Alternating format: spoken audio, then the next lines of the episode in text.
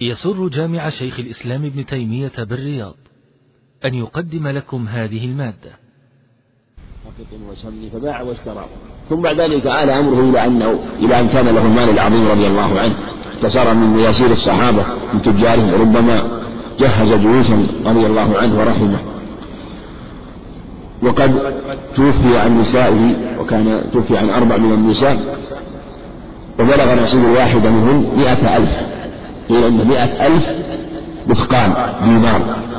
يعني ربع السلم من تركته مئة ألف مثقال مئة ألف دينار. هذا شيء عظيم. وفي تركة عبد الزبير العوام هو أعظم كما ذكر البخاري رحمه الله. في تركة عبد الرحمن بن الزبير ترك مالا عظيما أيضا حتى يعني صار منه صار نصيب الواحدة من من زوجاته الشيء الكثير. فالمقصود أن الله بارك له في في أموالهم وحتى آل أمرهم إلى ما عليه وجعله في سبيل الله. ومن ذلك وهذا كله بركة دعوة النبي عليه الصلاة والسلام. قال بارك الله لك. قال عبد قال عبد الرحمن فلقد رأيتني لو رفعت حجرا لرجوت لرجوت أن أجد تحته مالا. رضي الله عنه.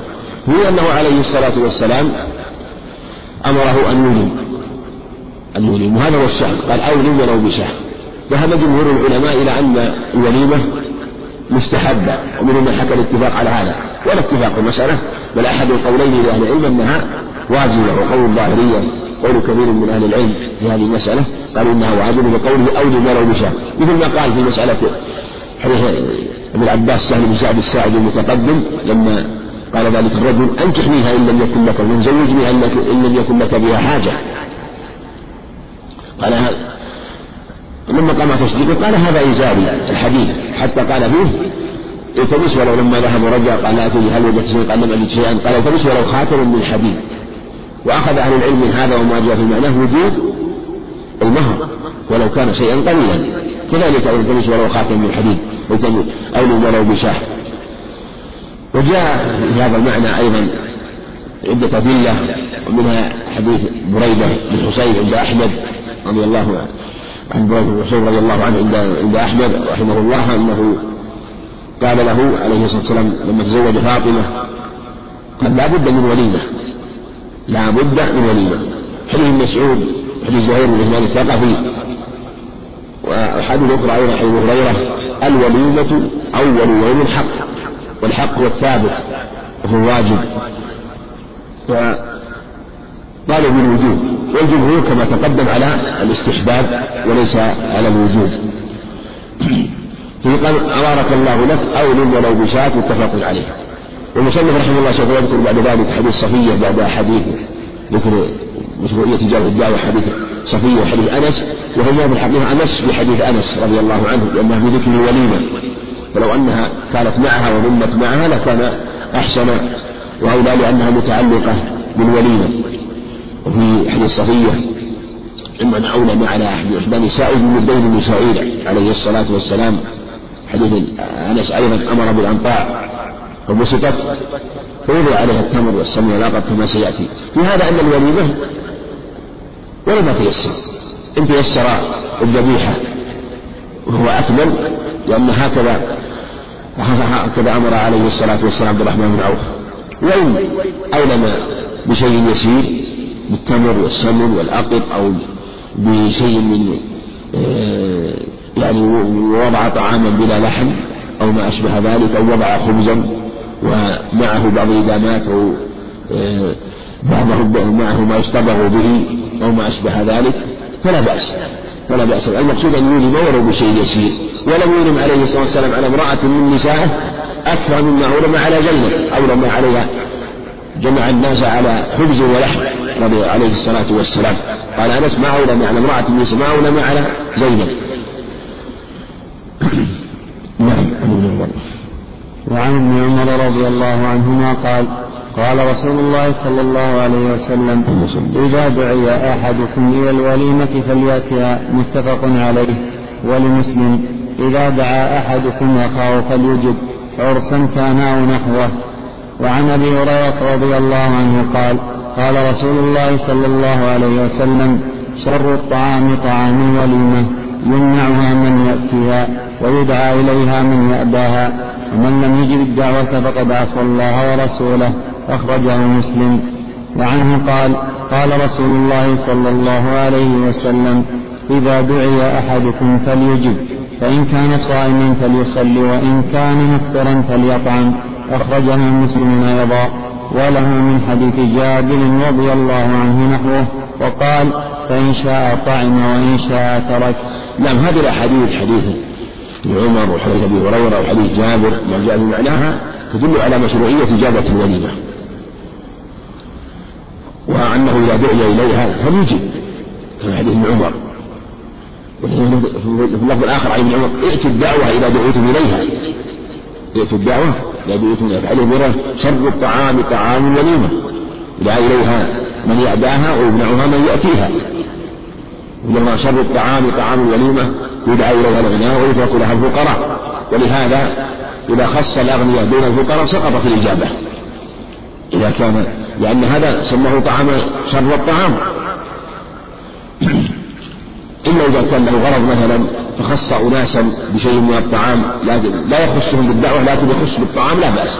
لو خص بعض الناس مثلا بالطعام خص أناسا بشيء من الطعام الذي له مزية على غيره وأعطى أناس آخرين طعاما آخر لكن لم يخص بالدعوة إنما خص بالطعام هذا لا بأس وإن كان الأولى أن لا يخص أحدا دون أحد بالطعام. هذا قد يقع في بعض الولائم أحيانا ربما يكون يخص بنوع من الطعام يعني أحد الصنفين النساء والرجال أو يكون آه، على صفة ربما يكون في شيء من التخصيص. المقصود أنه لا لا يخص بالدعوة. أما كونه يخص بالطعام فهذا جاء عن ابن عمر رضي الله عنه أنه دعا الأغنياء فأطعمهم ثم دعا الفقراء فأطعمهم.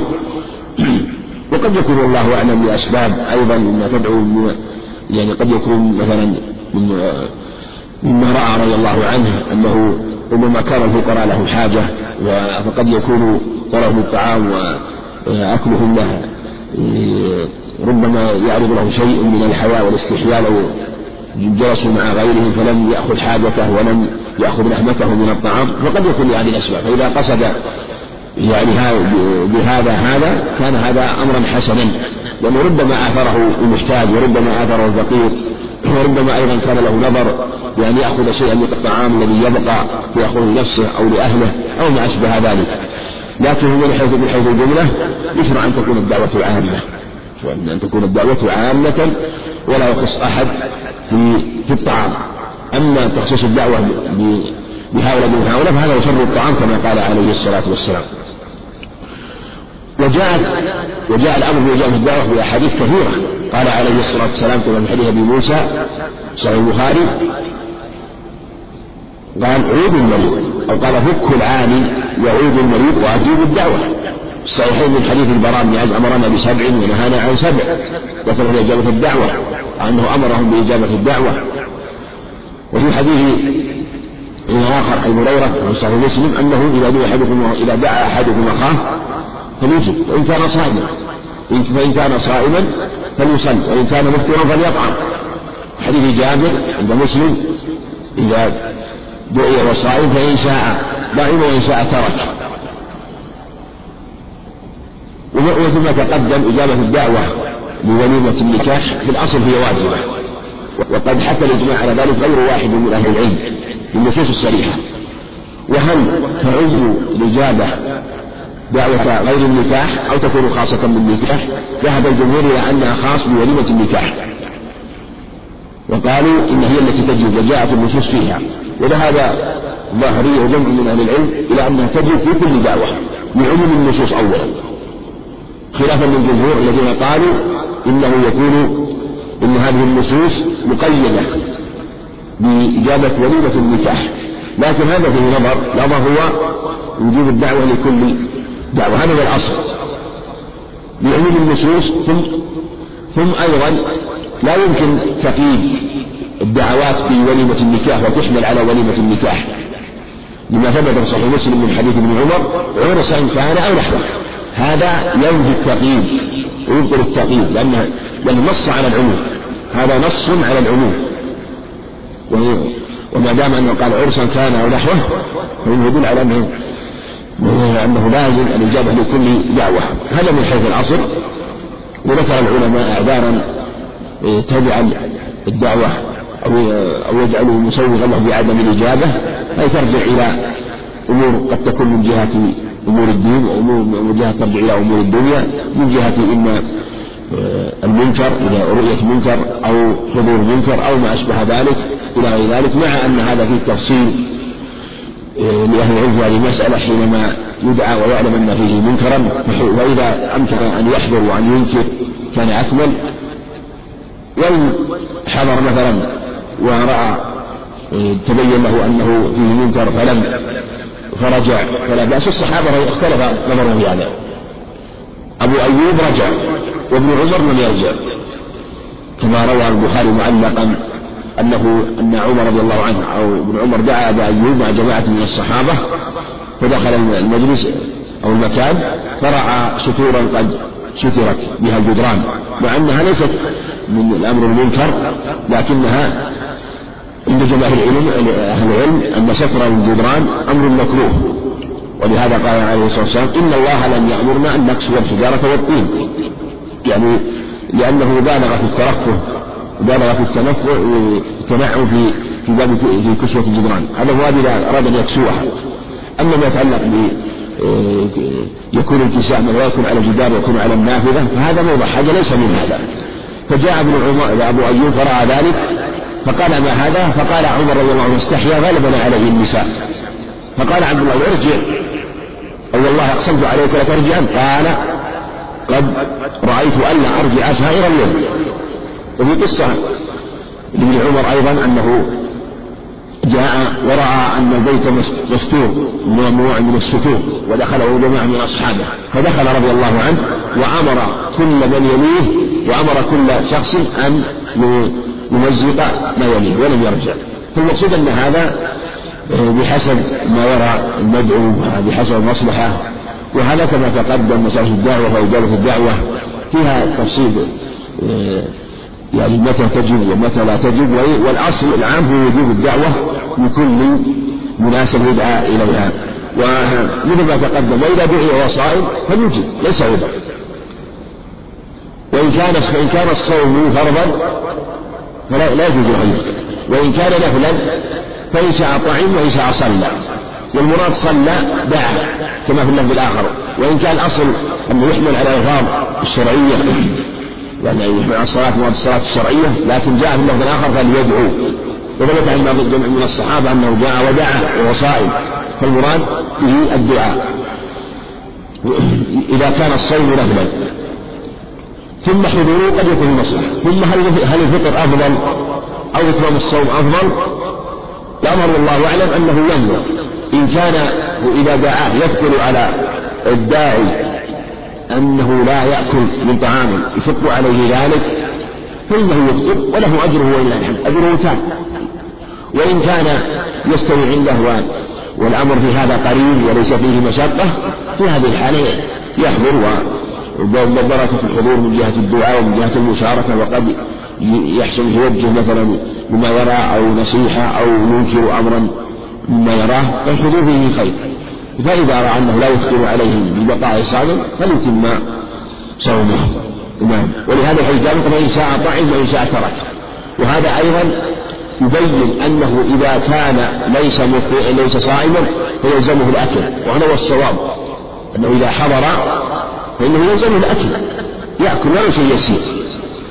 إذا لم يكن له عذر.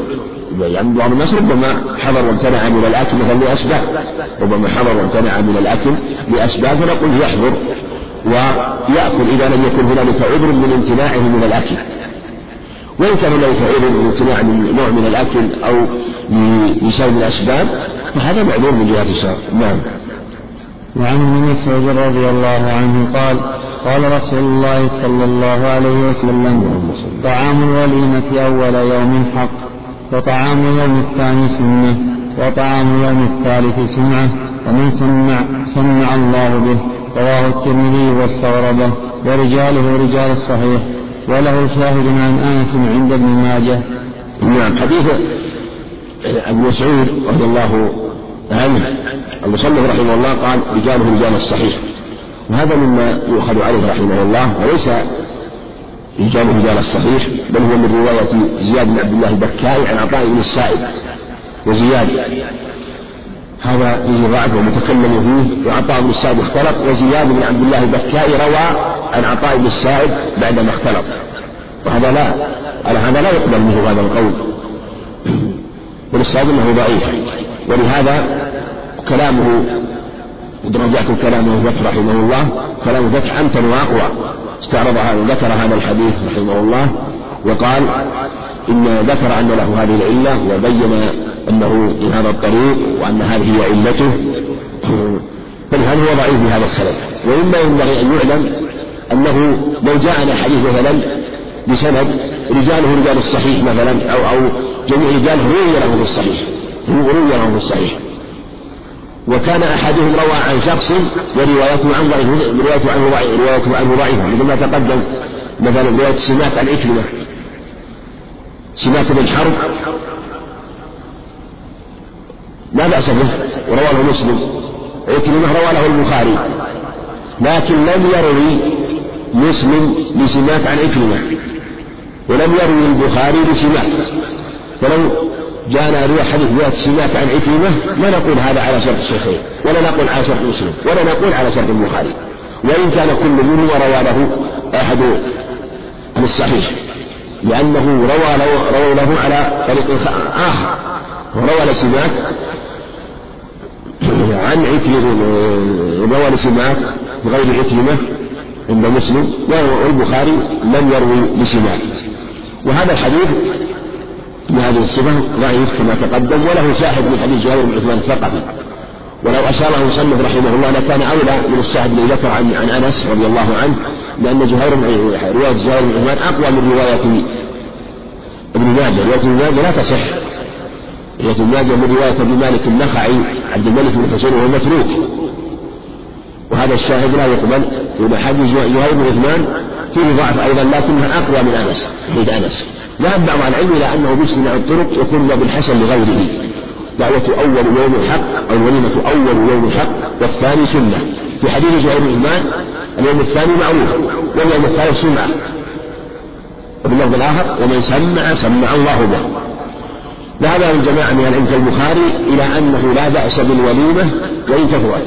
لا بأس أن يولم أول يوم ثاني يوم ثالث يوم رابع يوم أو سبعة أيام لا بأس. وقال رحمه الله يعني ذكر بوب على الوليمة وقال ومن ومن دعا سبعة أيام.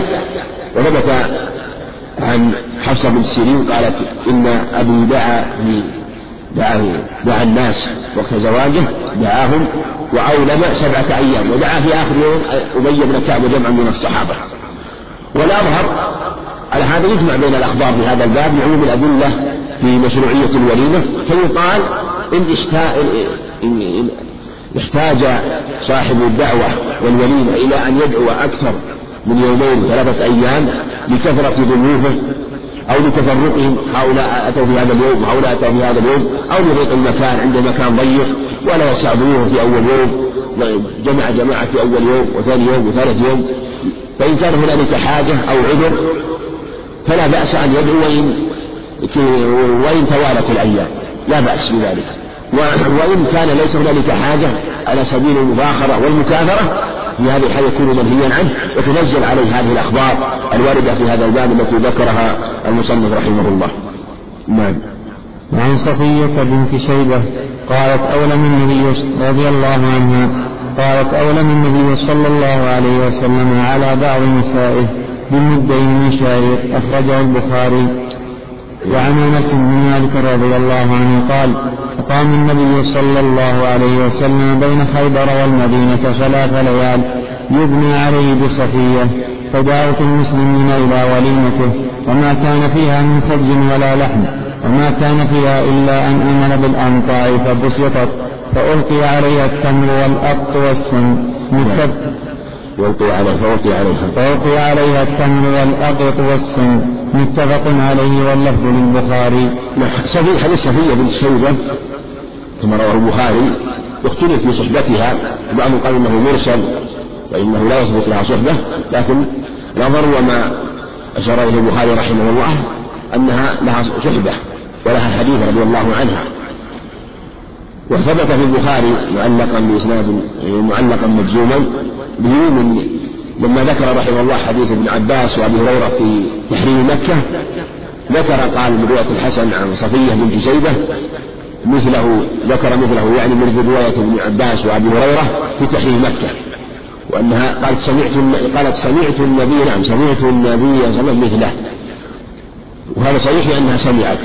وقد تسمع وإن كانت صغيرة في السن وتحفظ ومثل هذا التي تحفظ مثل هذه الخطبة فإنها تحفظ مثل هذا كما في هذه الرواية. وجاء في رواية عند أحمد أنه عن صفية عن عائشة فقد يكون أخذته أو يعني أخذته عن عائشة وعن غيرها وأنها تقصر عن إدراك آه، هذه الحادثة في ذلك لأن سنها صغير لكنها سمعت في جملة كما تقدم من النبي عليه الصلاة والسلام. وفي هذا أنه عليه الصلاة والسلام أولم على بعض نساب مدين شعير كما تقدم أنه اختلفت ولائمه عليه الصلاة والسلام. أولم باللحم والخبز وأولم كما سيحدث حديث أنس بالسمن والعقل وأولم بمدين شعير وأولم بغير ذلك. فيبين أن الوليمة أمرها واسع ولله الحمد. وأمرها واسع بأي شيء أولم حصل المقصود لله الحمد. وأنه لا بأس بذلك. ولهذا جاءت الأخبار في هذا مختلفة.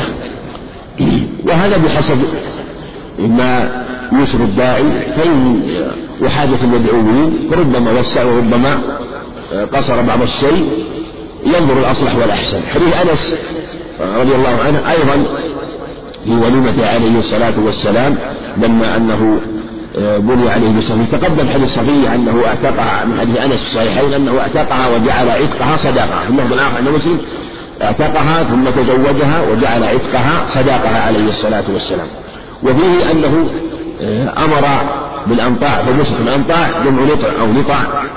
هي من الجنود يعني جعلها كالسفر وبسطت في الأرض فوضع عليها التمر والسمن والأقط. هذا يسمى الحيس.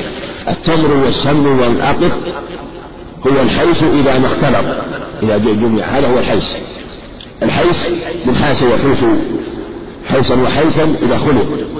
يعني سمي حيسا لأنه يحاس حاس الشيء إذا جمع بعضه إلى بعض أو أو أو أبلغ من ذلك إذا خلق بعضه بعض.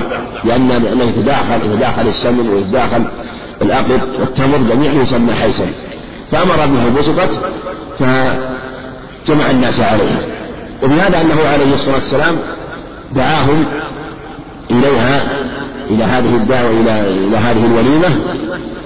وكأنه جاء في بعض الروايات أيضا أنه دعاهم إليها بعدما دخل بها. حديث زينب أيضا أنه أصبح عروسا عليه الصلاة والسلام أصبح بها متزوجا بها ثم دعا الناس إلى وليمته. هذا يبين أنه لا بأس أن تكون الوليمة بعد الدخول.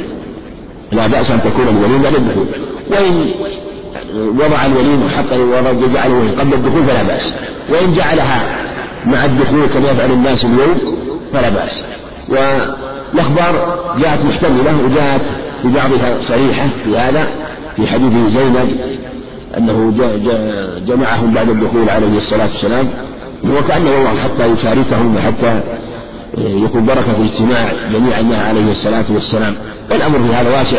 فلو ولو وضعه بعد العقد يعني يجوز أن يكون بعد العقد ويجوز أن يكون مع العقد ولا بأس أن يكون مع الدخول أو قبله ولا بأس أن يكون بعد الدخول. كله ولله الحمد لا بأس به. نعم. وعن رجل من أصحاب النبي صلى الله عليه وسلم قال إذا اجتمع داعيان فأجب أقربهما بابا فإن سبق أحدهما فأجب الذي سبق. رواه أبو داود وسنده ضعيف. نعم. هذا عن رجل من أصحاب النبي صلى الله عليه وسلم قال يعني كان قال إن قال النبي عليه الصلاة والسلام. يعني مراد قال يعني قال النبي عليه الصلاة والسلام مرفوع من كلامه وإن كان عبارة موهمة أنه موقوف من كلام هذا الرجل لكن غير مراد لأنه وهكذا أيضا مرفوع عند أبي داود عن النبي عليه الصلاة والسلام. وأنه إذا سمع داعيان فيجيب أسبقهما. فإن اتفقا واجتمعا فليجيب فليجيب أقربهما بابا أو أقربهما جوارا. في حديث صحيح البخاري عن عائشة عند عن عائشة قالت إن لي جارين فإلى أيهما أهدي؟ قال إلى أقربهما منك بابا فإن أقربهما من أقربهما جوارا. وهذا هو نعم أقرب كما في هذا الله أيضا. وإن كان هذا الحديث في سند ضعف ويؤتى بخالد الدالاني يزيد بن عبد الرحمن وهو ضعيف لكنه واضح ومتفق عليه من جهة المعنى أيضا أن من سبق له حق الإجابة. إذا إذا دعاك أخوك فإنك تجيبه. فإذا دعاك داع آخر فإنها الحق الأول فالحق للأول. وإذا أردت أن تجيب الثاني عليك أن تستأذن من الأول. إلا إذا كان استئذانه يترتب عليه غضاضة أو وحشة أو نفرة في النفوس في هذه الحالة أنه يراعي ذلك. فإذا رأى المصلحة تقتضي الاستئذان لآخر فيستأذن فإذا أذن له فلا بأس. ومن هذا أنه إذا اجتمع فليجب أقربهما بابا هذا يبين أن الجوار بالباب وأن القرب بالباب لا بالجدار. ولهذا لو كان لك لو كان عندك جار لو كان له جاران جار عن شماله وجار عن جنوب من جهة الجنوب أو من جهة الشرق أو الغرب وكان أحدهما أقرب بناؤه إلى بنائه. والآخر أبعد البناء لكن الباب قريب العبرة بالباب لأن الباب هو منه يدخل. وهذا مشاهد لأنه كان إنسان عنده منزل كبير منزل كبير وكان يميت ولكن بابه في أقصى في أقصى البيت من الجهة الأخرى في الغالب يكون لقاؤك به أقل وربما لم يتيسر لك أن تسلم عليه بخلاف ما إذا كان الباب جارك الثاني ولو كان جداره أبعد أو بناء بيته أبعد لكن دخوله قريب من مدخلك في هذا لأن في الغالب أيضا يكون الأبي يكون الالتصاق بين الجارين والاجتماع بين الجارين والحديث بينهما أو ما يحصل من ذلك لأبيه يكون من جهة قرب الباب أظهر. فلهذا أمر بإجابة الأقرب باب آه، منه إلى الأقرب بالبناء أو بالجدار كما تقدم. نعم. وعن أبي جحيفه رضي الله عنه قال قال رسول الله صلى الله عليه وسلم لا أكل متكئا. رواه البخاري. نعم. حديث أبي جحيفه أنه عليه الصلاه والسلام قال لا آكل متكئا. في لفظ عند البخاري أنه عليه الصلاة والسلام رأى رجلا متكئا. فقال أما أنا فلا آكل متكئا. وجاء في رواية عند الطبراني وغيره أنه عليه الصلاة والسلام نهى عن الأكل متكئا لكن الذي ثبت هذا ما ثبت الذي ثبت هو أنه يقول إنه أن ما أنا فلا آكل متكئا يختلف في هذه الصيغة بماذا تكون. الأظهر أنها تكون خلاف الأولى. خلاف الأكمل. يعني هذا خلاف هديه وخلاف هديه في الأكل وخلاف في الجلوس للطعام أنه لا يأكل متكئا عليه الصلاة والسلام. وجاء في عند عند أبي داود روايه عبد الله بن عمرو بن عاص رضي الله عنه أنه عليه الصلاة والسلام ما رؤي يأكل متكئا ولا وطئ عقبه رجلان عليه الصلاة والسلام. كان إذا مشى مشى أصحابه أمامه كما هو وقال دعوا ظهري للملائكة. جاء في فقال ما روي يأكل متكئا عليه الصلاة والسلام. وهذا إخبار من عبد الله بن عمر. وهذا هو السنة. في الأكل أنه لا يأكل متكئا لكن اختلف في تفسير الاتكاء ما هو.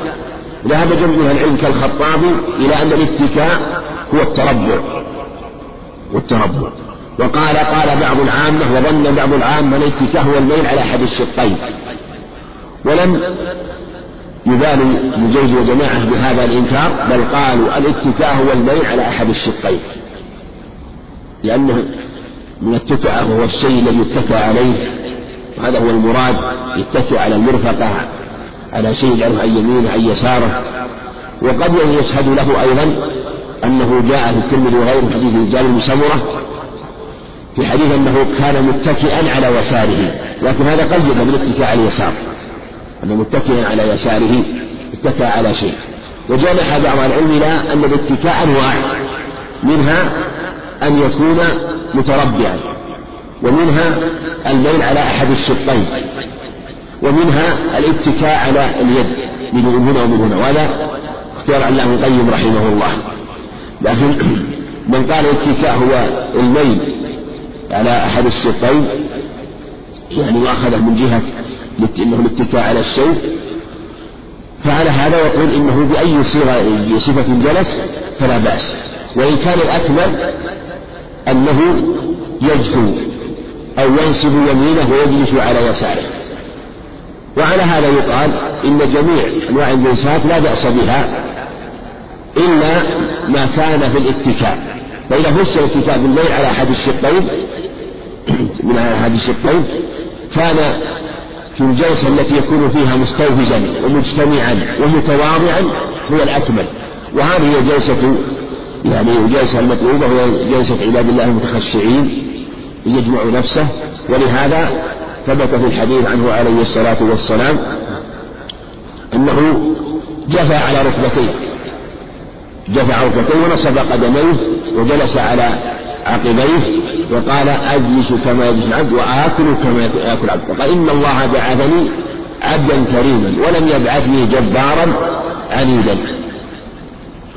ومن فسر الكتاب بأنه التربع مال إلى جهة الطب وقال إنه ربما من فسره بالتربع مال به لأنه خشية أن يمتلئ. وأن يحصل له اللقمة ومن فسره بالميل على أحد الشقين الميل على أحد الشقين والتكال مال به إلى جهة الطب وأنه لا يجد الطعام ولا يسير في الجوف على المعتاد فربما أضر أضره في بدنه. نعم فعلى هذا هو كما قال عليه والسلام أما أنا فلا آكل متكئا. والسنة والأكمل أن يكون كما نقل عنه عليه الصلاة والسلام إما أن يجذو إلى تيسر ذلك خاصة حينما يكثر المدعوون ويضيق المكان ففي هذه الحالة يسم ويشرع الاجتماع وأن يجمع نفسه حتى يفسح المجال لإخوانه الآخرين المدعوين نعم. الله وعن عمر بن أبي سلمة رضي الله عنه قال قال لي النبي صلى الله عليه وسلم يا غلام سم الله وكل بيمينك وكل مما يليك متفق عليه. نعم. حديث هذا حديث عمر بن سلمة فيه أنه قال فيه أنه جعل يأكل مع النبي عليه الصلاة والسلام. أنه في جعل يحبط في الصحفة يأكل من هنا لأنه كان غلاما صغيرا لم آه، يتعلم ويجد بالأكل ويشرع الأكل فقال عليه السلام يا غلام سم الله هذا فيه أمر بالتسمية. ولهذا كثير من العلم لا وجوب التسمية. وهو أحد القولين أحمد رحمه أحد القولين لأصحاب الإمام أحمد رحمه الله وهو ترجيح علام القيم رحمه الله. من أوامر بهذا سم الله وقد أوجبوا أشياء بأقل من هذا. ظاهر النصوص هو وجوب التسمية. سم الله ولفظ آخر أنه قال عليه الصلاة إذا أكل أحدكم طعاما فليذكر اسم الله أوله فإذا نسي أوله فليقل بسم الله أوله وآخره. وهو أبو داود وغيره تلميذ من حديث عائشة ولو شاهد من حديث ابن حبان من حديث ابن عباس من حديث ابن مسعود عند ابن حبان وحديث جيد. فيه الأمر بالتسمية والتسمية كلها خير وكلها بركة يحصل بركة في هذا الطعام بركة للجالسين كلها خير ومنع مشاركة الشيطان ولهذا ثبت صحيح مسلم من حديث حذيفة أنه عليه الصلاة والسلام كان في جماعة من أصحابه يأكل طعاما فجاء أعرابي كأنما يدفع فمد يده إلى الطعام فأمسك النبي عليه الصلاة والسلام يده. قال فجاءت جارية كأنما تدفع فأمسك النبي عليه الصلاة والسلام يده. فقال عليه الصلاة والسلام إن الشيطان ليستحل الطعام ألا يذكر عليه اسم الله. ثم قال إنه جاء بهذا الأعرابي يستحل به الطعام. فأمسكت بيده. ثم جاء بهذه الجارية. لأنه تدفع فأمسكت بيده. وإن يده في يدي مع يديهما. وأمسك بهما حتى لا يأكل قبل التسمية. وفي وعند الترمذي حديث عائشة أنه عليه الصلاة والسلام كان في ستة من أصحابه على قصعة من طعام. يأكل وصحبه فجاء أعرابي فأخذه بلقمتين. فقال عليه الصلاة والسلام أما إنه لو سمى لكذا. بركة التسمية على الطعام. وأعظم أيضا كذلك بركة وجوده عليه الصلاة والسلام لكن التسمية فيها من الخير والبركة شيء كثير هذا أمر بها. وهل تكفي تسمية الواحد لمنع الشيطان؟ أو لا بد من تسمية الجميع؟ هذا فيه خلاف بين أهل العلم وظاهر ما نقل أنها لا تكفي تسمية الواحد ولهذا كان النبي عليه الصلاة والسلام يأكل مع أصحابه فجاء الشيطان يستحل بالطعام مع أنه سمه أصحابه ولهذا ولهذا حتى قال إنه جاء بهذا إن أو قال إن الشيطان لا يستحل الطعام لا يذكر عليه اسم الله. والحديث الآخر حديث عائشة السابق أنه جاء وأكل قال أما إنه لسمى لكفاكم مع أنه هو قد سمه أصحابه عليه الصلاة وقد يقال أيضا إن تسمية البعض يحصل بشيء من البركة لكن تمامها لا يحصل إلا بتسمية الجميع. وهذا قد يشاهد أحيانا وهذا قد يشاهد أحيانا حينما يتسمى بعض الناس على الطعام وقد لا يحصل به المقصود من شبعهم مع أنه قد يكون سمى البعض لعدم تسمية البعض كما هو ظاهر الأخبار كما تقدم. فالتسمية مشروعة ومطلوبة ومتأكدة ويشرع أيضا تعليمها للصغار والأولاد من الذكر ولذلك قال سم الله وكل بيمينك يجب الأكل باليمين يجب الأكل باليمين. وأيضا سيأتي أيضا في حجاب يجب الأكل باليمين لأن الشيطان يأكل بشماله بشماله ويشرب بشماله. فلا يجوز الأكل باليمين على الصحيح إلا من عذر وكل مما يليك بل يجب الأكل مما يليه وهذه آداب الصحيح أنها واجبة. يجب التسمية في ظاهر النصوص ويجب الأكل باليمين ويجب الأكل مما يليه فهذا أدب فعلي والتسمية أدب قولي والتسمية وأدب فعلي أو أدبان فعليان لكن الأول يتعلق بالآكل وهو الأكل باليمين والثاني يتعلق بالمأكول وهو وهو من الطعام وهو أن يأكل مما يليه يأكل يليه وهذا حينما يكون طعاما واحدا. أما إذا كان أصنافا من الطعام أصناف من الطعام فإنه لا بأس أن يأخذ من هنا من هنا لا بأس. ولهذا ثبت في صحيح البخاري من حديث أنس أنه عليه الصلاة والسلام دعاه رجل دعاه فصنع له الدباء هو القرع قال فجعل النبي يتبع الدباء القرع يأخذ منها. من هنا ومن هنا. قال في بعض فجعلت يتتبعه ويعطيه قال أنس فلم تزل. تلك أكلتي بعد. أو جعل هذه صفة أكله وأنه أو, أو, أو جعل يكثر ويعتني بالدباء والقرع. في هذا يبين أنه إذا كان هنالك أنواع من الطعام لا بأس أن يتناول من هنا من هنا إذا لم يكن شيئا يليه أو مثلا كما يكون حينما يكون الطعام ويكون اللحم في على وسطها أو على رأس الطعام فلا بأس أن يمد يده ويأخذ. لكن هذا أيضا يكون مما يليه إلا إذا كان احتاج آه، أن يأخذ من هنا ومن هنا. فهذا هو الأصل أن يأكل مما يليه إلا عند الحديث. وقد ورد عند الترمذي حديث في سند ضعف أنه عليه الصلاة والسلام أكل معه أحد أصحابه فجعل يخبط بيده من هنا ومن هنا. فأمسك النبي عليه والسلام بيده. وما حتى قال كل مما يليه. ثم جيء بطعام أنواع فجعل ذلك الصحابي يأكل مما يليه. فقال عليه الصلاة والسلام كل من حيث شئت فإنما هو أصناف أو ألوان وليس لونا واحدا نعم. وعن ابن عباس رضي الله عنهما أن النبي صلى الله عليه وسلم أتي بقصاة من فريد فقال كلوا من جوانبها ولا تأكلوا من وسطها فإن البركة تنزل في وسطها.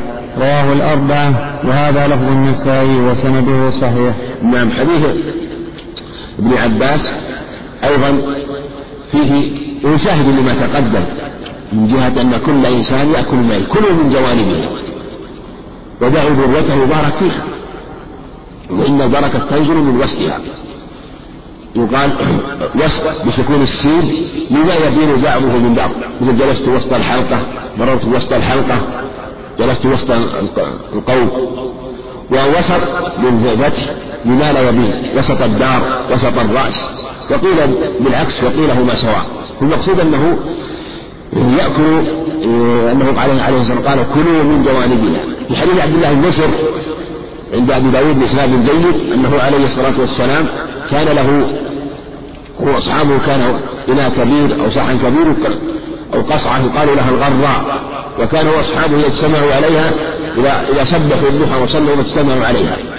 فلما اجتمع القوم وحصل شيء من ضيق مجلس جفى عليه الصلاة والسلام على ركبتيه كما تقدم ثم قال إن الله بعثني عبدا كريما لم يجعلني جبارا جبارا عنيدا. ولما قيل له ما هذه الجنس ثم قال كلوا من حواليها ودعوا ذروتها يعني أعلاها مع الوسط الذروة هي الأعلى مع الوسط يبارك فيها. وهذا يبين أن حديث ابن عباس فإن البركة تنزل من ذروتها من من أعلاها تنزل من أعلاها. يبين أن هنالك بركة حقيقية تتعلق بالطعام وبركة حقيقية تتعلق بالآكلين فالبركة في الطعام تنزل من أعلاه وبركة في الآكلين تكون باجتماعهم مع التسمية وبالإيثار أيضا إذا حصل الإيثار. في مثل هذا. وفيها هذا الحديث قال كلوا من حواليها. يعني من جوانبها. يعني كل إنسان يأكل من الجانب الذي يليه. من جوانبها يعني من من أسفلها من جهة الآكل لكن لا يذر ذروتها وأعلاها. وهذا في الحقيقة هو في معنى حديث عمر بن أبي سلمة أنه قال كل مما يليه. لأنه إذا أكل من اعلاه فلا فلم يأكل مما يليه. بل تعدى الموضع الذي يليه. فيأكل من من جانب الذي يليه. إلا إذا كما تقدم إذا كان في أعلاها شيء من الطعام لون الطعام الخاص الذي ليس في جانبه أو شيء من اللحم فلا بأس أن يأكل منه كما تقدم. نعم.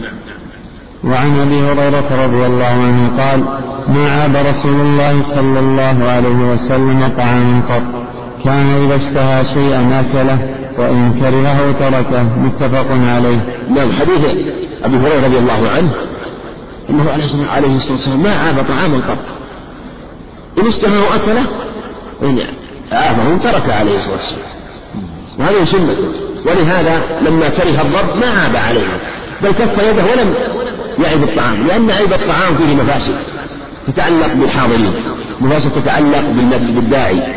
لأنه حينما يعيب الطعام يكسر نفس الداعي ويكسر نفس الذي طبخ الطعام خاصة إذا كان في بيته وأهله.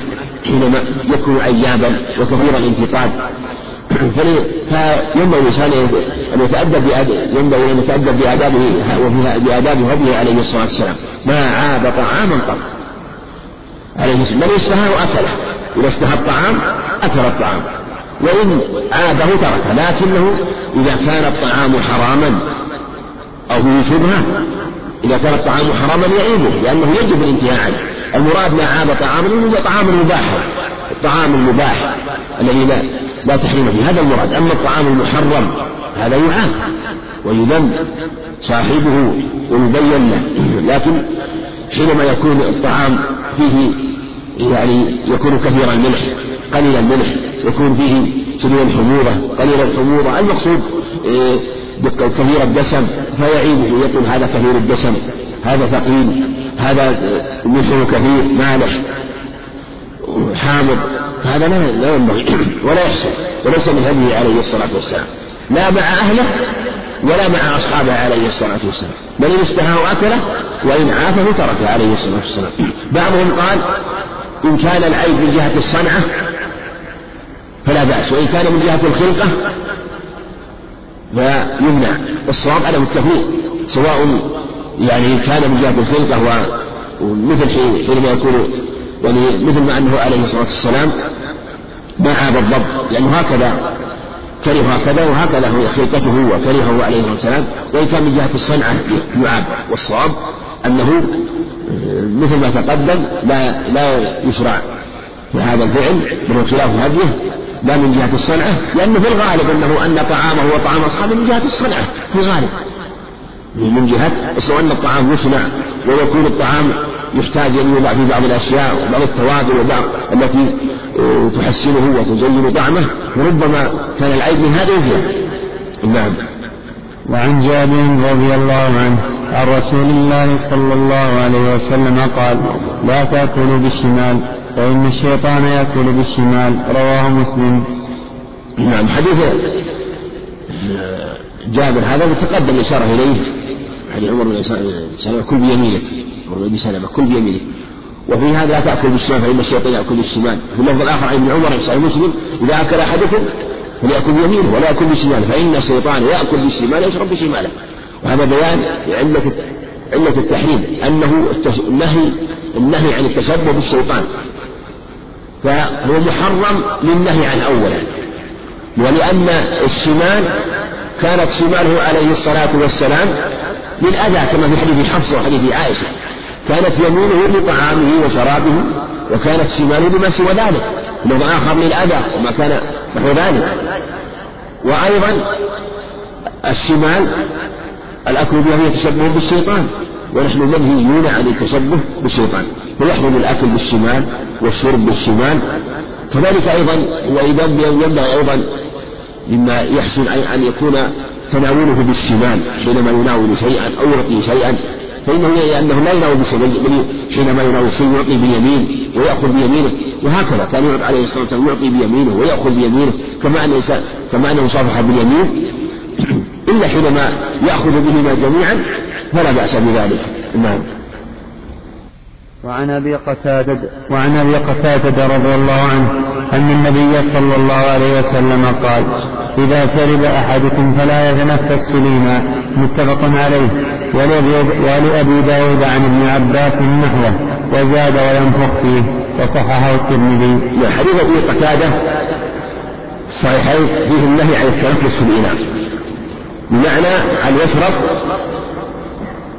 ولا يبعد الإناء فيه ولا يبعد الكأس فيه ويتنفس فيه. هذا منهي عنه لأنه يخرج الهواء من أنفه في هذا الشراب ربما قدره وربما خرج شيء منه فقدره خاصة إذا كان هذا الإناء مشتركا. ولو ظهر النهي التحريم وإن كان جمهور العلماء يقول إنه مكروه وبعضهم حكى الاتفاق على هذا هذا مثل ما تقدم. في حكاية بعض نفي الخلاف أو إثبات الإجماع في مسائل مع النصوص جاءت النص جاء واضح. فكيف ينظر طالب العلم حينما يأتي نص واضح ثم يرى في النهي عن شيء ويرى في كلام بعض العلم أنه قد اتفق العلماء على النهي بالكراهة أو أنه لا خلاف أن النهي الكراهة سبق لنا أن في هذه الحالة ينبغي أن ينظر ولا يستعجل لأن النص واضح. وذكر الاتفاق في هذه المسألة هذا في الغالب يكون من باب الاتفاق الظني أو الإجماع الظني الذي ليس يقينيا. ومثل هذا لا يقطع به في صرف النص أو القول بأنه الاستحباب ليس الوجوز أو الكراهة ليس للتحريم. وأنه في هذه الحال عليه ينظر. ولا ولا بد أن يكون هنالك نزاع. ولا يمكن أن يكون اتفاق على خلاف نص. لم يأتي دليل يبين تخصيصه أو تقييده أو نسخه لا بد أن يكون هنالك قائد وقد يكون خفي على من نفى الخلاف خفي عليه ذلك. فعلى هذا إذا أشكلت عليه المسألة يجعل الإجماع مثابة الدليل الظني مع النص مثابة الدليل فعنده دليلان ظنيان. فإما أن يتوقف وإما أن يغلب عنده جانب الدليل لأنه مقابل. هذا الإجماع المدعى ونفي الخلاف المدعى. فربما توقف وربما كان نظره في هذه الحالة بالأخذ بالنص هو الأقرب لأنه يقول معي دليل واضح وليس له مخصص ولا ناسخ ولا مقيد. مثل ما تقدم في كلام بعض العلم وفي هذا انه في هذا أيضا أنه اذا شرب لا يتنفس الاناء والمراد تنفس داخل الاناء وثبت في الصحيحين أنه عليه الصلاة والسلام كان يتنفس في الاناء ثلاثة. وهذا التنفس ليس المراد غير هذا. يتنفس ثلاثا يعني أنه كان يشرب ثلاثا يشرب ثم يزيل الاناء فيه ثم يشرب ثم إذا شرب ثالث فهو في الواقع يكون النفس خارج الإناء في المرة الثالثة. لأنه الثالثة هي آخر ما يشرب عليه الصلاة والسلام.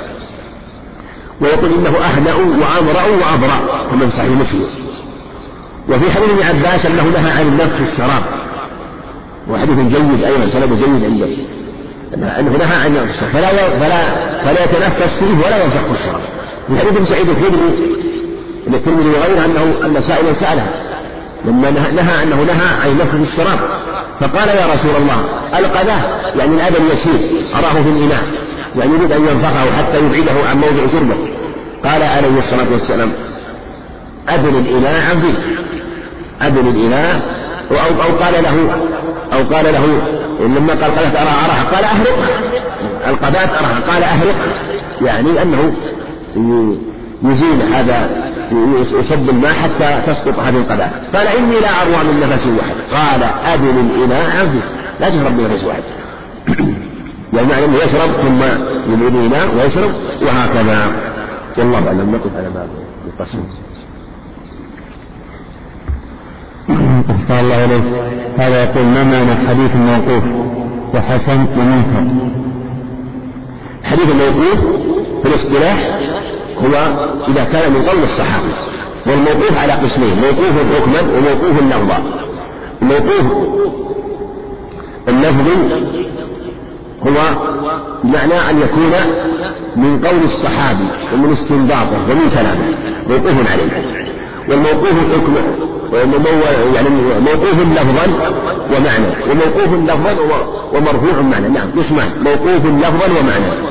معنى أنه من قول الصحابي قاله من نظره أو اجتهاده واستنباطه. وموقوف لفظا مرفوع حكما. وهو قول الصحابي فيما لا مجال للرأي فيه يعني بشرطين يعني يكون الشيء مرفوعا عند الصحابة إذا كان من قول بشرطين. الأول أن يكون مما لا مجال للرأي. الشرط الثاني أن يكون الصحابي ممن عرف بأنه لا يأخذ عن أهل الكتاب. بهذين الشرطين إذا جاء حديث موقوف على الصحابي وتوفر فيه هذان الشرطان فإنه يكون مرفوع يكون مرفوعا حكما. هذا هو الموقوف.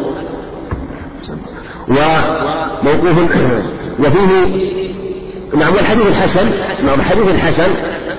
بحيث لم يبلغ لم يبلغ درجة الصحيح. قال الحافظ النخبة فإن خف الضبط فالحسن بذاته إذا خف ضبط الراوي إذا خف ضبط الراوي فالحسن. يعني إذا كان الراوي ضابطا فهو صحيح. وإن خف ضبطه فالحسن. والمنكر المنكر هو أن يروي الحديث ضعيف ضعيف خلاف راوي ضعيف خلاف خلاف الثقات إذا كان عندنا حديث رواه الثقات ثم جاءنا إنسان ضعيف الرواية. يدلس أو له خطأ كثير يدلس ولم يسبق السماع أو له خطأ كثير أو مختلف رواه خلاف الروايات المشهورة. نقول هذا منكر. فإن كان الراوي ثقة وخالف فإنه شاذ وإن كان ثقة ولم يخالف يقال من مزيد زيادة ثقة فهي على أقسام قد تكون زيادة ثقة مقبولة وقد تكون رياض ثقة شاذة وهو المخالف وقد يكون منكرا وهو الضعيف المخالف. نعم.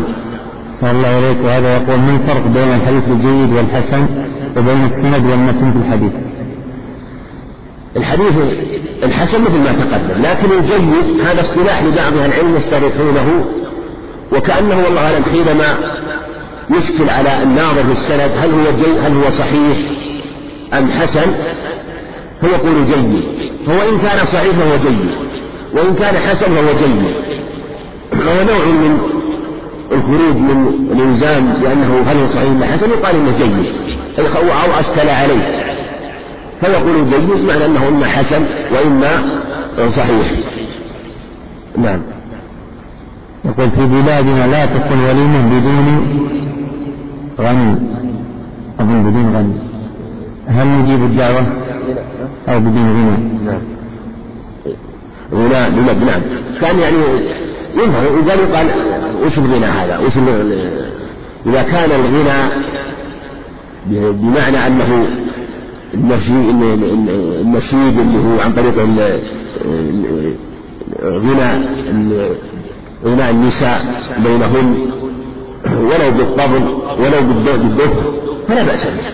إذا كان الغنى بالدف هذا لا بأس وإن كان الغنى بآلات له أو بآلات له المزعجة كالطبل والكوبة والمزمار هذا يحرم. ويحرم مزمار وشبابة وما يضاهيهما من آلة الله والربي. هذه تحرم. الآلات المزعجة كالطبول أو الدفوف التي تكون ضيقة الوسط واسعة الطرفين. هذه أيضا تحرم وإن كانت مفتوحة الطرفين. فكل ما يكون يحدث الصوت ويخرج الصوت قويا. ولو كان على صفة الدف فإنه يحرم. مع أن هذا في تسمية الدف نظر لأنه ضيق الوسط. ولهذا يعني ابن عباس نهى عن الميسر والخمر والكوبة والغبيراء الكوبة هي نوع من الطبول وإن كانت سواء كان مفتوح مفتوح من جهتين أو مفتوح من جهة واحدة ما دام أنه يحصل الإنزال أو كان الدف يدف فيه سلاسل من حديد إذا ضرب عليه كان له صوت شديد فإنه يمنع. فإذا كان الله على هذه الصفة والغناء على هذه الصفة فإنه يحرم. أو كان في آلة موسيقى وغنى وزمر فلا يجوز. والأحاديث في هذا معلومة. إنما المشروع هو إعلانه بالدف والصوت فصل ما بين الحلال والحرام الدف والصوت كما في حديث محمد بن حاطب. في حديث عائشة وجه معناه وأمر بأن يضرب عليه بالغرباء أعلن النكاح. وفي حديث الربيع بنت معوذ صحيح البخاري وبوب عليه البخاري رحمه الله. باب الدف ذكر الدف النكاح وقالت إنه بني علي أنه جاءني النبي صلى الله عليه وسلم بني علي فجلس مني كمجلسك مني فجعل جواره يغنين فقالت احدى ويضربن بالدف فقال إحداهما في فينا نبي الله يعلم ما في غد فقال عليه دعي هذا يقول بالذي كنت تقولين. فهذا هو المشروع. أما إذا كان الغنى على هذا الصنف فيجب إنكاره ومن حضر وأنكر. وبين لهم أن هذا لا يجوز. هذا في حضوره مصلحة. نعم. أحسن الله عليكم هذا يقول طلقت زوجتي وراجعتها ولم أتسد أحدا ماذا علي الآن؟ جاء في حديث حديث عمرو بن العاص أنه عليه قال أشهد على طلاقها وأشهد على رجعتها. ولفظ طلقت في غير سنة وراجعت في غير سنة. يقول وأهل العلم يقولون تصح الرجعة. تصح الرجعة لأنه يشرع وثبت في عدة أخبار. أنه ذكر أنه راجع ولم يذكر أنه طلق حفصة وراجعها كما روى أبو داود وغيره ولم يذكر الإشهاد وجاء في عدة أخبار ما يدل على هذا أيضا في حديث ابن عمر لما طلق زوجته وهي حائض على الخلاف ولم يذكر أنه أمره بالإشهاد عند جماهير أهل العلم الذين يأمرونه يجعلونه طلاقا وكذلك هو حينما طلق لم يذكر ذلك ولم يستفسره منه عليه الصلاة والسلام فبهذا نقول الرجعة الإشهاد عليها أكمل وأتم حتى لا يحصل التجاهل. لا يحصل فإذا حصل منه ذلك وراجعها صحت الرجعة كما تقدم. نعم. أحسن الله عليكم. هذا يقول لو أراد رجل أن يخطب امرأة ثم جاءه خبر أنها تدخن فقال لها إن دخنت مرة أخرى فأنت جاء خبر أنها تدخن. فقال لها إن دخنت مرة أخرى فأنت حرام علي كحرمة أختي. فما الحكم إذا عادت إلى التدخين وما الحكم إذا لم تعد إليه؟ وقد صدر منه نحو هذا قبل الخطبة. هذا في يعني فيما إذا حرم امرأة قبل النكاح قبل عقد النكاح. هل يثبت التحريم ولا ما يثبت التحريم؟ جماهير أهل العلم يقولون لا يثبت الظهار. لا يثبت به الظهار لأنه ليست زوجة. والله الذين يظاهرون منكم من نسائهم وهذه ليست من نسائهم إنما المظاهرة والتحريم تكون من النساء وهذه ليست من النساء لأنه لم يخطبها ولم يعقد عليها. فلم وبعض أن يفرق بين ما إذا كان التحريم معينا أو عاما فإن قال فلانة علي حرام تزوجته ويثبت في حقه الظهار. وإن قال نساء العالم علي حرام. فهذا لا يثبت شيء لأنه أشبه ما يكون بالأمر المحرم والأمر المنكر فلا يجوز فلا يثبت به شيء. فنقول على هذا ما دام أنه علق يمينه فهي أشبه ما تكون باليمين. أشبه ما تكون باليمين حينما حرم امرأة معينة من نكاحها. من نكاحها.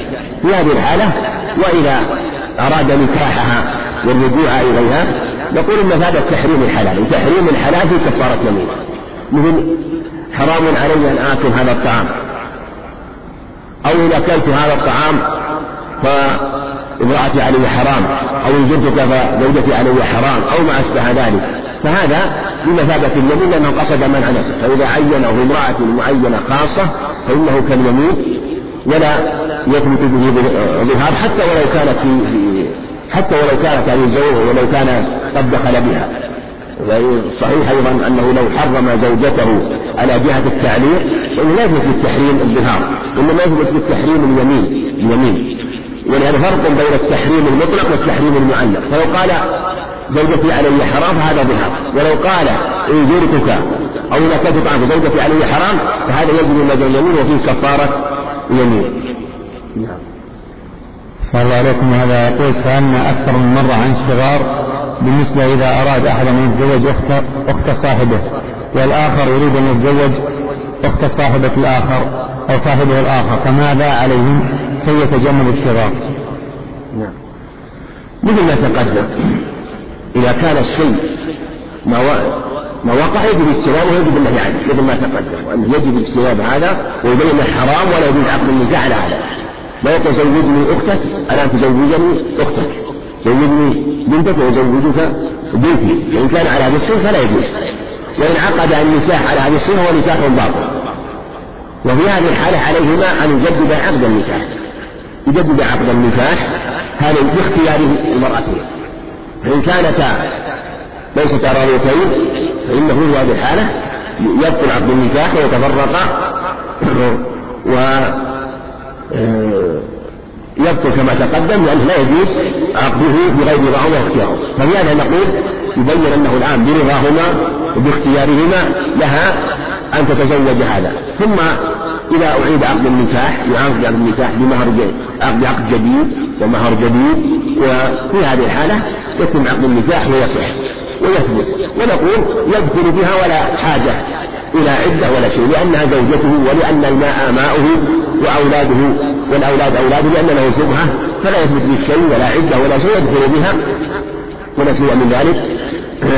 هذا إذا رضيتا بذلك. وإذا أراد عقد عقد النكاح عقد النكاح هذا مو لازم أنه يكون المهر الشيء الكثير يعني لو عقدا على مهر يسير يعني بينهما وتراضى بذلك فلا بأس بذلك. والله أعلم وصلى الله وسلم وبارك على نبينا محمد. صلى الله عليه وسلم بسم الله الرحمن الرحيم. الحمد لله رب العالمين وصلى الله وسلم على نبينا محمد وعلى آله وصحبه أجمعين.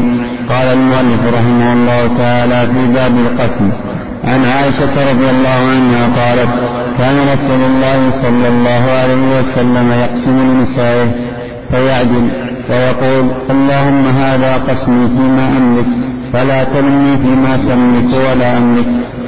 رواه الأربعة وصححه ابن حبان والحاكم لكن رجح الترمذي إرساله وعن أبي هريرة رضي الله عنه أن النبي صلى الله عليه وسلم قال من كانت له امرأتان فمال إلى إحداهما جاء يوم القيامة وشقه مائل رواه أحمد والأربعة وسنده صحيح. الحمد لله رب العالمين والصلاة والسلام على نبينا محمد وعلى آله وأصحابه وأتباعه بإحسان إلى يوم الدين. أما بعد فيقول الإمام الحافظ ابن حجر رحمه الله تعالى باب القسم المراد بالقسم هنا القسم في المبيت والنفقة. أما ما يتعلق بالقلب وما يتعلق أيضا بالفراش هذا أمر يرجع إلى القلب يرجع إلى مودة القلب وميل القلب. فهذا ما كان فيه ما, ما كان فيه ميلا لا على سبيل الجور فهو منهي فهو لا ليس داخلا في حدود التكليف. ولهذا قال سبحانه فلا تميل كل الميل فتذرها كالمعلقة. معنى يفهم منه أن بعض الميل متعلق بما يكون في القلب وما يستطيع ذلك. هذا معفو عنه. ذكر المصنف رحمه الله حديث عائشة أنه عليه الصلاة والسلام كان يقسم بين النساء ويقول اللهم هذا قسمي فيما أملك فلا تلمني فيما تملك ولا أملك. وهذا الحديث حديث إسناده صحيح من رواية حماد بن سلمة وصله وقد خالفه إسماعيل إسماعيل بن علي وحماد بن زيد فأرسله. ورجح بعضهم الإرسال لأن كثيرا من الثقات الحفاظ أرسلوه وحماد بن سلمة وصله. تقدم معنا أنه إذا وصل الثقة فالحكم له. وإذا رفع الثقة فالحكم له بخلاف ولو وقف الأكثر أو أرسل الأكثر. هذا هو القاعدة المتبعة عند أهل الفقه وأهل الحديث على القول المختار. لكن ينبغي أن يعلم أيضا أنه حينما يقال إن من وصل فإن قوله مقدم وإن من رفع فإن رفعه مقدم لأن معه زيادة هذا من حيث القاعدة والأصل إلا إذا دلت القرائن على وهم من زاد. احتفت أدلة قرائن تدل على وهمه وأن من خالفه فأرسل أو خالفه فوقف هو الأرجح. قد يأتينا حديث مثلا يرويه ثقة فيرسله. ويرويه ثقة آخر فيصله فنقول في هذه الحالة القاعدة لمن وصل. لكن قد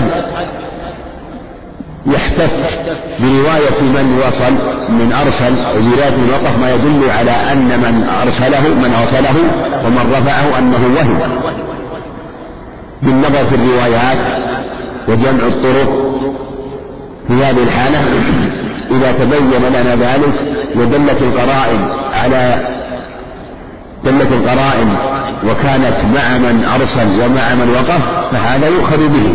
ولهذا البخاري رحمه الله يسلك هذا أيضا في صحيحه وكذلك الفقه والحديث من أئمة الحديث والفقه والأصول يأخذون بهذه الطريقة. ربما جاء قدموا من وصل وقدموا من أرسل على من وصل. فقد ينظر الناظر فيقول كيف يقدمون رواية من أرسل ورواية من وقف مع أنهم في باب الاصطلاح يجعلون الحكم لمن وصل ويجعلون الحكم لمن رفع نقول هذا لا تنافي. نقول هذه القاعدة المضطردة لكن قد يكون هنالك أدلة من جهة الرواية أو من جهة النظر في كثرة الواصل مثلا قد يكون الحديث رواه ثقة فأرسله فوصله وخالفه أئمة حفاظ كبار فأرسلوه.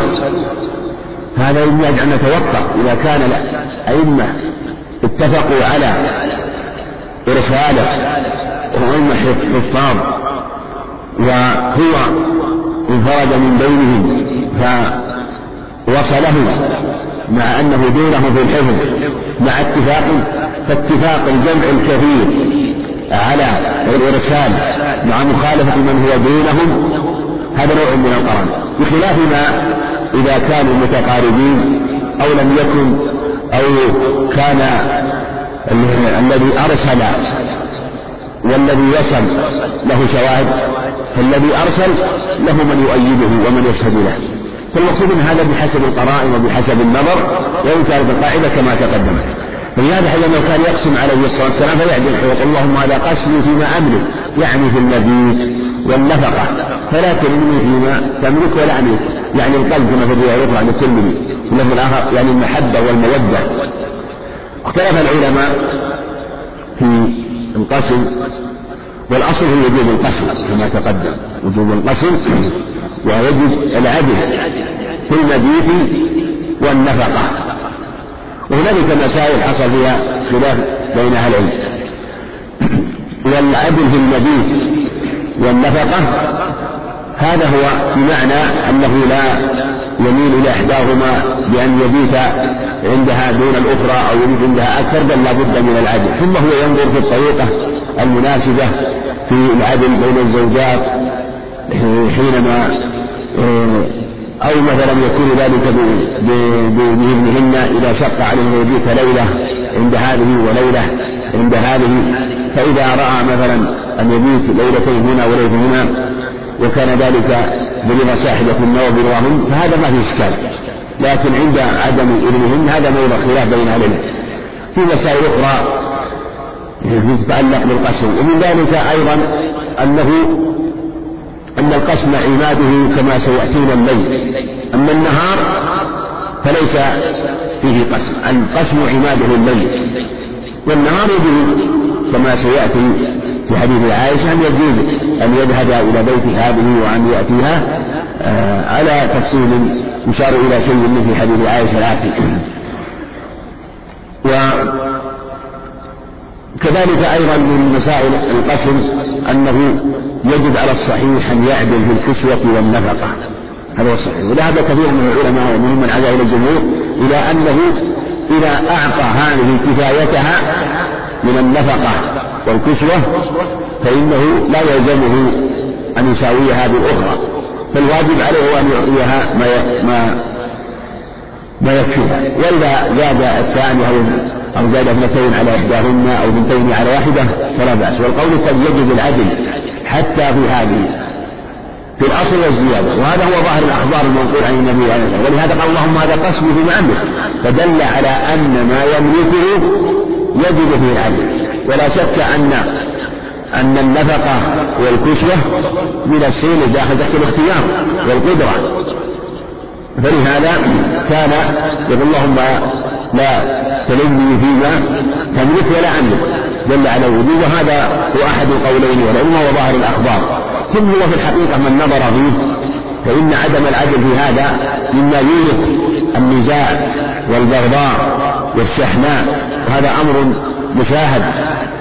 بل إذا كان العدل واجبا بين الأولاد في الأصل الأصل فبين الزوجات الأمر والنزاع أشد التوارد بينهن أشد ويسمى الضرة لأنها ربما تسعى يكون ضررا عليها في ذلك وهي تسعى في شيء من ذلك. فهذا هو الأظهر في هذه المسألة. وكذا حديث هريرة رضي الله عنه وهو مؤيد لهذا الأصل أيضا لما تقدم. أنه يجب العدل بينهم ومن كان من كانت له امرأتان فمال إلى إحداهما جاء يوم القيامة شقه مائل ظهر جاء وشقه ساقط وحديث صحيح. وهذا أيضا مؤيد لما تقدم لأنه يجب العدل فيما يقدر فمال إلى إحداهما جاء وشقه معي ويدخل فيه الميل في زيادة النفقة الميل في زيادة الكسوة لأنه داخل تحت قدرته. وهذا أيضا دليل آخر مسألة. جاء يوم شقه ساقط. يعني أنه يأتي أحد شقيه وأحد جنبيه ساقط. إذا كان له زوجتان. وربما إذا كان له ثلاث فمال إلى اثنتين دون واحدة. قد يقال أنه يميل ثلثاه ويسقط آه، منه شقان ويبقى شق قائم. أخذا بهذا الخبر لأنه ورد في اثنتين فالثلاث كذلك والأربع كذلك داخلة تحت هذا الحكم. نعم. وهذا وعيد شديد أيضا. من كان وعيد شديد وأنه عقوبة يوم القيامة يسهر بين الناس ويظهر بذلك. عقوبة تبين أمره حينما لأن في الغالب ربما مال وربما كتم وربما لم يعلم خاصة بين الرجل وأهله فيفضح. وهذا ربما كان نوعا من الغدر في عدم الوفاء بما أوجب الله عليه. ولهذا جاء في الأخبار من حديث سعيد الخدري وحديث ابن عمر الصحيحين وغيرهما أنه يوضع لكل لواء أو لكل لكل غادر له لواء تحت اسمه يوم القيامة. ظهر يقال هذه غادرة فلان ابن فلان يقول أن, أن هذا نوع من الفضيحة يوم القيامة العقوبة الظاهرة. جزاء ما عمل. نعم. وعن أنس رضي الله عنه قال من السنة إذا تزوج الرجل البكر على الطيب أقام عندها سبعا ثم قسم. وإذا تزوج الطيب أقام عندها ثلاثا ثم قسم. متفق عليه واللفظ للبخاري. وعن أم سلمة رضي الله عنها أن رسول الله صلى الله عليه وسلم لما تزوجها أقام عندها ثلاثا وقال إنه ليس بك على أهلك هوان إن شئت سبعت لك وإن سبعت لك سبعت لنسائي رواه مسلم. نعم. حديث أنس رضي الله عنه في بيان حق المبيت عند الذكر حينما يتزوجها وكذلك الثيب وأن حق الذكر في المبيت سبعة وقال من السنة. وهذا قوله من السنة في حكم مرفوع عند أهل العلم. قال راوي عن نفسه لو شئت أن أقول إن أنس رفعه إلى النبي عليه ولو شئت قال قال رسول الله صلى الله عليه وسلم. في اللفظ الآخر تصريح بأنه قال عن النبي صلى الله عليه وسلم عند ابن بن حبان. ومن كلامه مرفوعا. وهذا في حكم مرفوع عند أهل العلم حكوا على هذا الاتفاق حينما يقول من السنة. والصحابي حينما يقول من السنة لا يعنون إلا سنته عليه الصلاة والسلام عند الإطلاق. وإذا أراد سنة أحد أصحابه سنة أبي بكر أو سنة عمر فإنه يبينون. فلا يمكن يأتي الصحابي يقول إن من السنة ويقصد بذلك طريقة أو سنة أو سنة غيره عليه الصلاة والسلام. من السنة إذا تزوج البكر على الثيب أقام عندها سبعا واللفظ الآخر إذا تزوج البكر أقام عندها سبعا كما عند البخاري بدون ذكر تزوج البكر على الثيب وإذا تزوج الثيب على البكر أقام عندها ثلاثة. في الآخر إذا تزوج الثيب أقام عندها بدون الجمع بينها وبين البكر. وهذا يبين أنه يجب قسم الابتداء. خلافا لمن قال لا يجب قسم الابتداء. وأنه لا يجب للبكر سبعا إلا إذا كان عنده زوجة قبلها ونكحها عليها فإن يجب عليه يقسم لها سبعا. وإن لم يكن وإن تزوجها ابتداء ولم يكن عنده زوجة فإنه لا يجب عليه أن يقسم لها سبعا. لأنه قال إذا تزوج الذكر على التزوج والأظهر أنه يجب السبع سواء كان تزوج عليها تتزوج الذكر وعنده زوجة أو لم أم لم يكن عنده زوجة. من إطلاق الألفاظ الأخرى ثم أيضا بين في اللفظ الآخر في حديث ابن الآتي قال إنه ليس باسم هوان على أهلك إن شئت سبعت لك وإن سبعت لك سبعت نسائي وإن شئت ثلثت وإن شئت ثلثت قالت قالت ثلث تبين أن حق الثيب ثلاثة كما تقدم. وفي اللفظ الآخر بيان حق الذكر وحق الثيب وهذا أيضا فيه دلالة على أنه يجب قسم الابتداء. وقسم الابتداء بمعنى أنه إذا كان عنده زوجة واحدة يجب أن يقسم لها. أن يقسم لها. وذهب جمهور أهل العلم إلى أنها ليلة من أربع لأن حقها لأن أقل ما يكون لها وليلة واحدة من أربع. ولهذا لما جاءت تلك المرأة تستعدي عمر رضي الله عنه على زوجها وقد جاءت وقالت له يا أمير المؤمنين نعم الرجل زوجي يصوم الليل ويقوم النهار. فقال عمر نعم الرجل أو كما قال رضي الله عنه. ثم ولت واستحيت. فقال يا أمير فقال كعب بن سور يا أمير ألا أعديتها على زوجها قال إنما أثنت عليه. إنما أثنت قال يا أمير المؤمنين إذا كان يصوم النهار ويقوم الليل فمتى يكون لها نصيب منه؟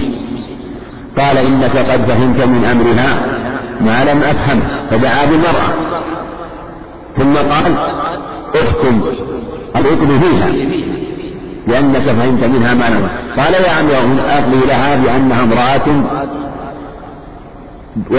وأنها امرأة مع ثلاث فلا واحدة وإله من ثلاث ثم قال ما أدري أي أي أمرين أعجب الأول أم الثاني؟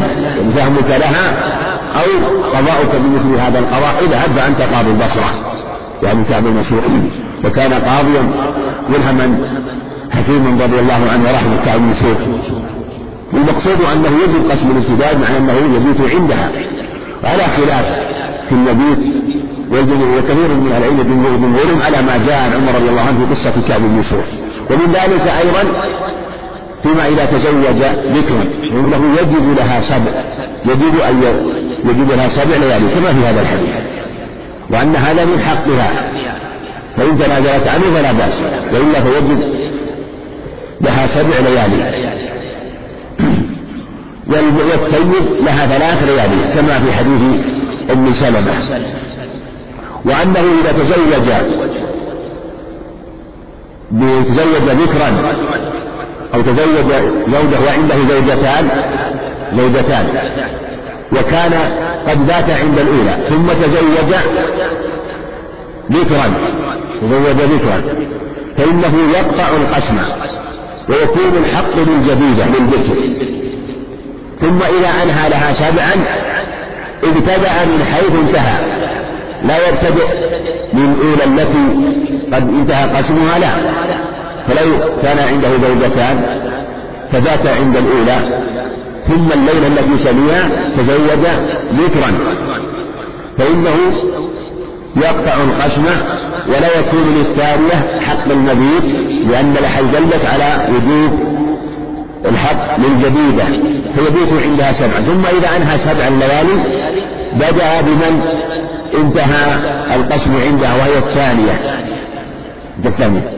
ثم هل يكون بعدها الذكر التي زوجها ثم قول من العلم أو يبدأ من الأولى لكن المقصود أنه يعني فيما يظهر أنه يبدأ بمن وقف القسم لها القسم لها ثم يبدأ بالأولى ثم يبدأ بالذكر وهكذا. وإذا تزوج السيد كذلك لها ثلاث ليالي ويقطع القسم. لو كان عنده أكثر من زوجة قبل ذلك فيقطع القسم كما سبق في الذكر. وأنها سبع لها وثلاث للسيد. ولو أنه ولو أنها طلبت امرأة ثيب قالت أريد سبعا. أريد سبعا. فلا بأس أن يبيت عندها سبعا. ولو يعني تزوج ثيبا وعنده قبلها زوجة وزوجتان وقالت أريد سبعا. فإذا طلبت سبعا أعطاها سبعا. لا بأس. لكن إن سبع لها سبع للتي بعدها. ولهذا قال إن سبعت لك سبعت لنسائي. قالت ثلث لأنها إذا كان إذا جعلها ثلاثا فإنه يصل إليها القسم عن قريب. بخلاف ما إذا جلس عندها سبعا ثم كان عنده زوجة أو زوجتان أو ثلاث فإنه يتأخر عنها. نعم. وعن عائشة رضي الله عنها أن سودة بنت زمعة وهبت يومها لعائشة فكان النبي صلى الله عليه وسلم يقسم لعائشة يومها ويوم سودة. متفق عليه. نعم حديث عائشة رضي الله عنها في دلالة على متفق عليه كما ذكر المصنف رحمه الله أنه لا بأس للرجل أو لا بأس للزوجة أن تهب يومها لزوجها وأن تقول اجعل يومي فلانا مثل ما وهبت سودة يومها لعائشة. وسودة رضي الله عنها كما في رواية مسلم لما كبرت جعلت يومها لعائشة. وعند أبي داود بإسناد جيد أنها لما كبرت وفرقت أن يفارقها النبي يعني خافت أن يفارقها النبي عليه السلام قالت يا رسول الله يومي لعائشة حبة رسول الله صلى الله عليه وسلم فجعل يومها لا فكان يقصد لعائشة يومها ويوم سودة وفي لفظ أنه طلقها في في حديث مرسل رواية القاسم بن يبزه مرسلا أنها قالت يا رسول الله لما طلق جلست جلبان وقالت يا رسول الله والله ما لي بالرجال من حاجة لكن أريد أن أبعث مع نسائك. فجعلت يومها لعائشة فراجعها عليه الصلاة والسلام. لكن مشهور في الرواية أن هي ابتدأت بذلك. الرواية السابقة هي التي ابتدأت ذلك وقالت ذلك. كله تقربا إليه إلى حبه عليه الصلاة والسلام ورغبة في إكرامه عليه الصلاة والسلام. وهكذا كنا يتسابقن رضي الله عنه في إكرامه. والقيام عليه وخدمته عليه الصلاة والسلام لأجل الأخذ منه والتعلم منه والتأدب بآدابه صلوات الله وسلامه عليه. فهذا هو قصدهم ونيتهم رضي الله عنهم. وفي هذا لا بأس كما تقدم هذا الزوجة يومها لإحدى ضراتها لا بأس بذلك. لكن هو إليه هو إليه. إن شاء أعطاها التي تطلب أو أن يعطيها التي غيرها. ثم يجعله لها ولغيرها. ثم إذا وهبت يومها الذي يظهر أنه يسقط حقها من القسم. وذهب الجمهور إلى أنها لها أن تعود وترجع في الشيء المستقبل. لها أن ترجع. فلو مثلا وهبت ليلتها ثم بعد مضي سنة رجعت. قالوا إن لها حق الرجوع. وقالوا إنها عطية في شيء لم يملك وأنها هبة في شيء لم يملك. معنى أن الليالي آتية حتى الآن لم تملك. والقول الثاني في هذه المسألة أنها عطية آه، ثابتة أو أنها هبة ثابتة وأنه يلزمها ذلك. ولا ليس لها حق الرجوع إذا كان ذلك باختيارها وبدون ضرر عليها. كما هو ظاهر قصة سيدة مع عائشة رضي الله عنها. نعم.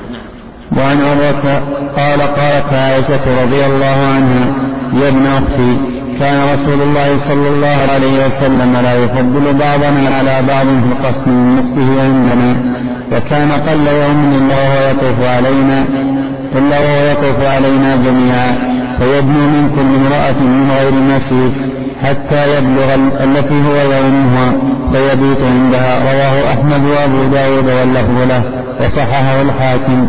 ولمسلم عن عائشة رضي الله عنها كان رسول الله صلى الله عليه وسلم إذا صلى العصر دار على نسائه ثم يدنو منه الحديث. من حديث عائشة رضي الله عنها أنه قالت كان لا يفضل بعضا على بعض في القسم هذا أخذ منه بعض أهل العلم وما جاء في الأخبار الأخرى وكذلك ما مضى اللهم هذا فيما أملك أخذ منه جمع من العلم على أخذ منه أنه كان يجب القسم عليه عليه الصلاة والسلام وأنه يلزمه ذلك ويجب عليه أن يقسم بين نسائه ويده وذهب الجمهور إلى أنه لا يجب عليه القسم إنما كان القسم منه تكرما وتلطفا منه على أزواجه عليه الصلاة والسلام. وقالوا إنه له أن يقسم لهم وله أن لا يقسم وله أن يفضل في القسم عليه الصلاة والسلام. استدلوا بقوله تعالى ترجي من تشاء منهم وتؤوي إليك من تشاء ومن ابتغيت ممن عزلت فلا جناح عليك. ذلك أدنى أن تقر أعينهن ولا يحزن ويرضين كلهن بما آتيتهن وبين وبين ما آتيتهن كلهن. يعني أدنى أن تقر أعينهن ولا يحزن ويرضين بما آتيتهن كلهن. وقالوا إنه ترجي من تشاء أن تؤخر في القسم ولا تقسم وتقسم لمن شئت منهن وقالت عائشة لما نزلت هذه الآية كان يقسم بيننا كما روى البخاري عن عاهنا لما نزلت هذه الآية كان يقسم وكان يستأذن واحدة من منا. فقال لها أو فقيل لها ما كنت تقولين تقولين يعني إذا استأذنها قالت كنت أقول إن كان ذلك إلي فلا فلا أوثر بنصيبي منك أحدا. وقيل إن إن هذه الآية ترجي من تشاء في الواهبات. قد روى البخاري أيضا عائشة أنها قالت كنت أعيد أو كنت أستنكر المرأة تأتي فتهب نفسها. وأقول كيف تهب المرأة نفسها؟ حتى نزل قوله تعالى ترجي من تشاء منهن. تؤوي إليك من تشاء. قالت فقلت لا أرى ربك إلا يسارع في هواك يعني في رضاك. وكله رواه البخاري في الواهبات وفي قسمه بين نسائه. واختلف هل هذه الآية في الواهبات يعني ترجي تقبل من وهبت نفسها و وإن شئت لا تقبل وتؤخر. مع أنه لم يأتي أن امرأة وهبت نفسها فقيل فقبلها عليها كما جاء في الأخبار. كما في حديث أبي العباس سالم سعد تلك التي وهبت نفسها له عليه الصلاة والسلام. والأظهر أن هذه الآية شاملة للواهبات إن شاء قبل من وهبت نفسها وإن شاء لم يقبلها إن شاء تزوجها وإن شاء لم يتزوجها وكذلك أيضا في قسمه بين نسائه هذا هو الأصل إذا جاءت الأدلة. دالة على أنه نزل في هذا وفي هذا فالأصل يقول أن يكون عاما في الجميع ولا تعارض النصوص بعضها البعض وهذا مسلك جيد حسن يسلكه كثير من أهل العلم.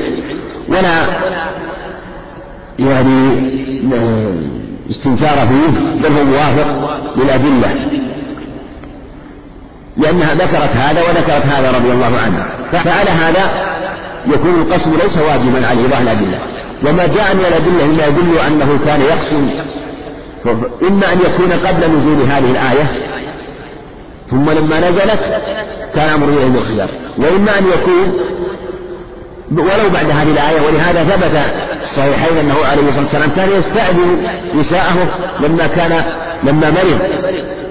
وكان يقول أين أنا غدا؟ أين أنا غدا؟ يقول عليه الصلاة والسلام حتى استأذنهن أن يكون في بيت عائشة. عليه الصلاة والسلام فأذن له ورضينا.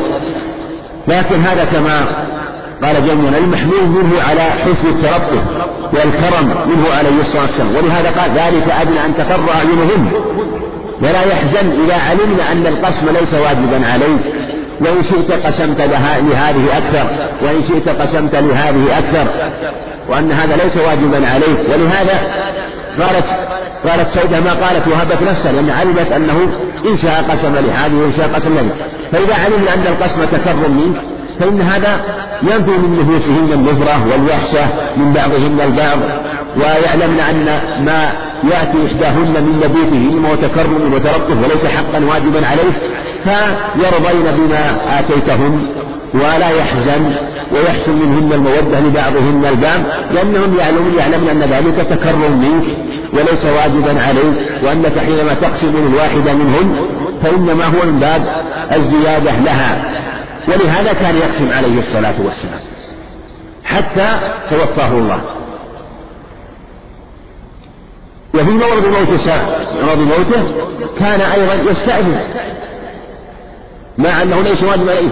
وكان في أول الأمر ينتقل من هذه إلى هذه حتى شق عليه فاستأذن أن يمرر بيت إحداهن حتى يريد له أن يكون أن يكون أن يكون في بيت عائشة في بعض الألفاظ لأنه يقال إن نأذن أن تكون في بيت أختنا عائشة فكان عندها فقبض وهو في بيتها بين سحرها ونحرها في يوم الاثنين صلوات الله وسلامه عليه. في حديث في هذا رواية رواية عائشة عند أبي داود وهو جيد رواية عبد الرحمن بن أبي الزناد وهو جيد الرواية من باب الحسن رواية وروى له مسلم عبد الرحمن بن أبي الزناد أبوه أبو الزناد عبد الله بن ذكوان الإمام المشهور رحمه الله. جزا الله فضيلة الشيخ خيرا على ما قدم وجعله في ميزان حسناته. والسلام عليكم ورحمة الله وبركاته.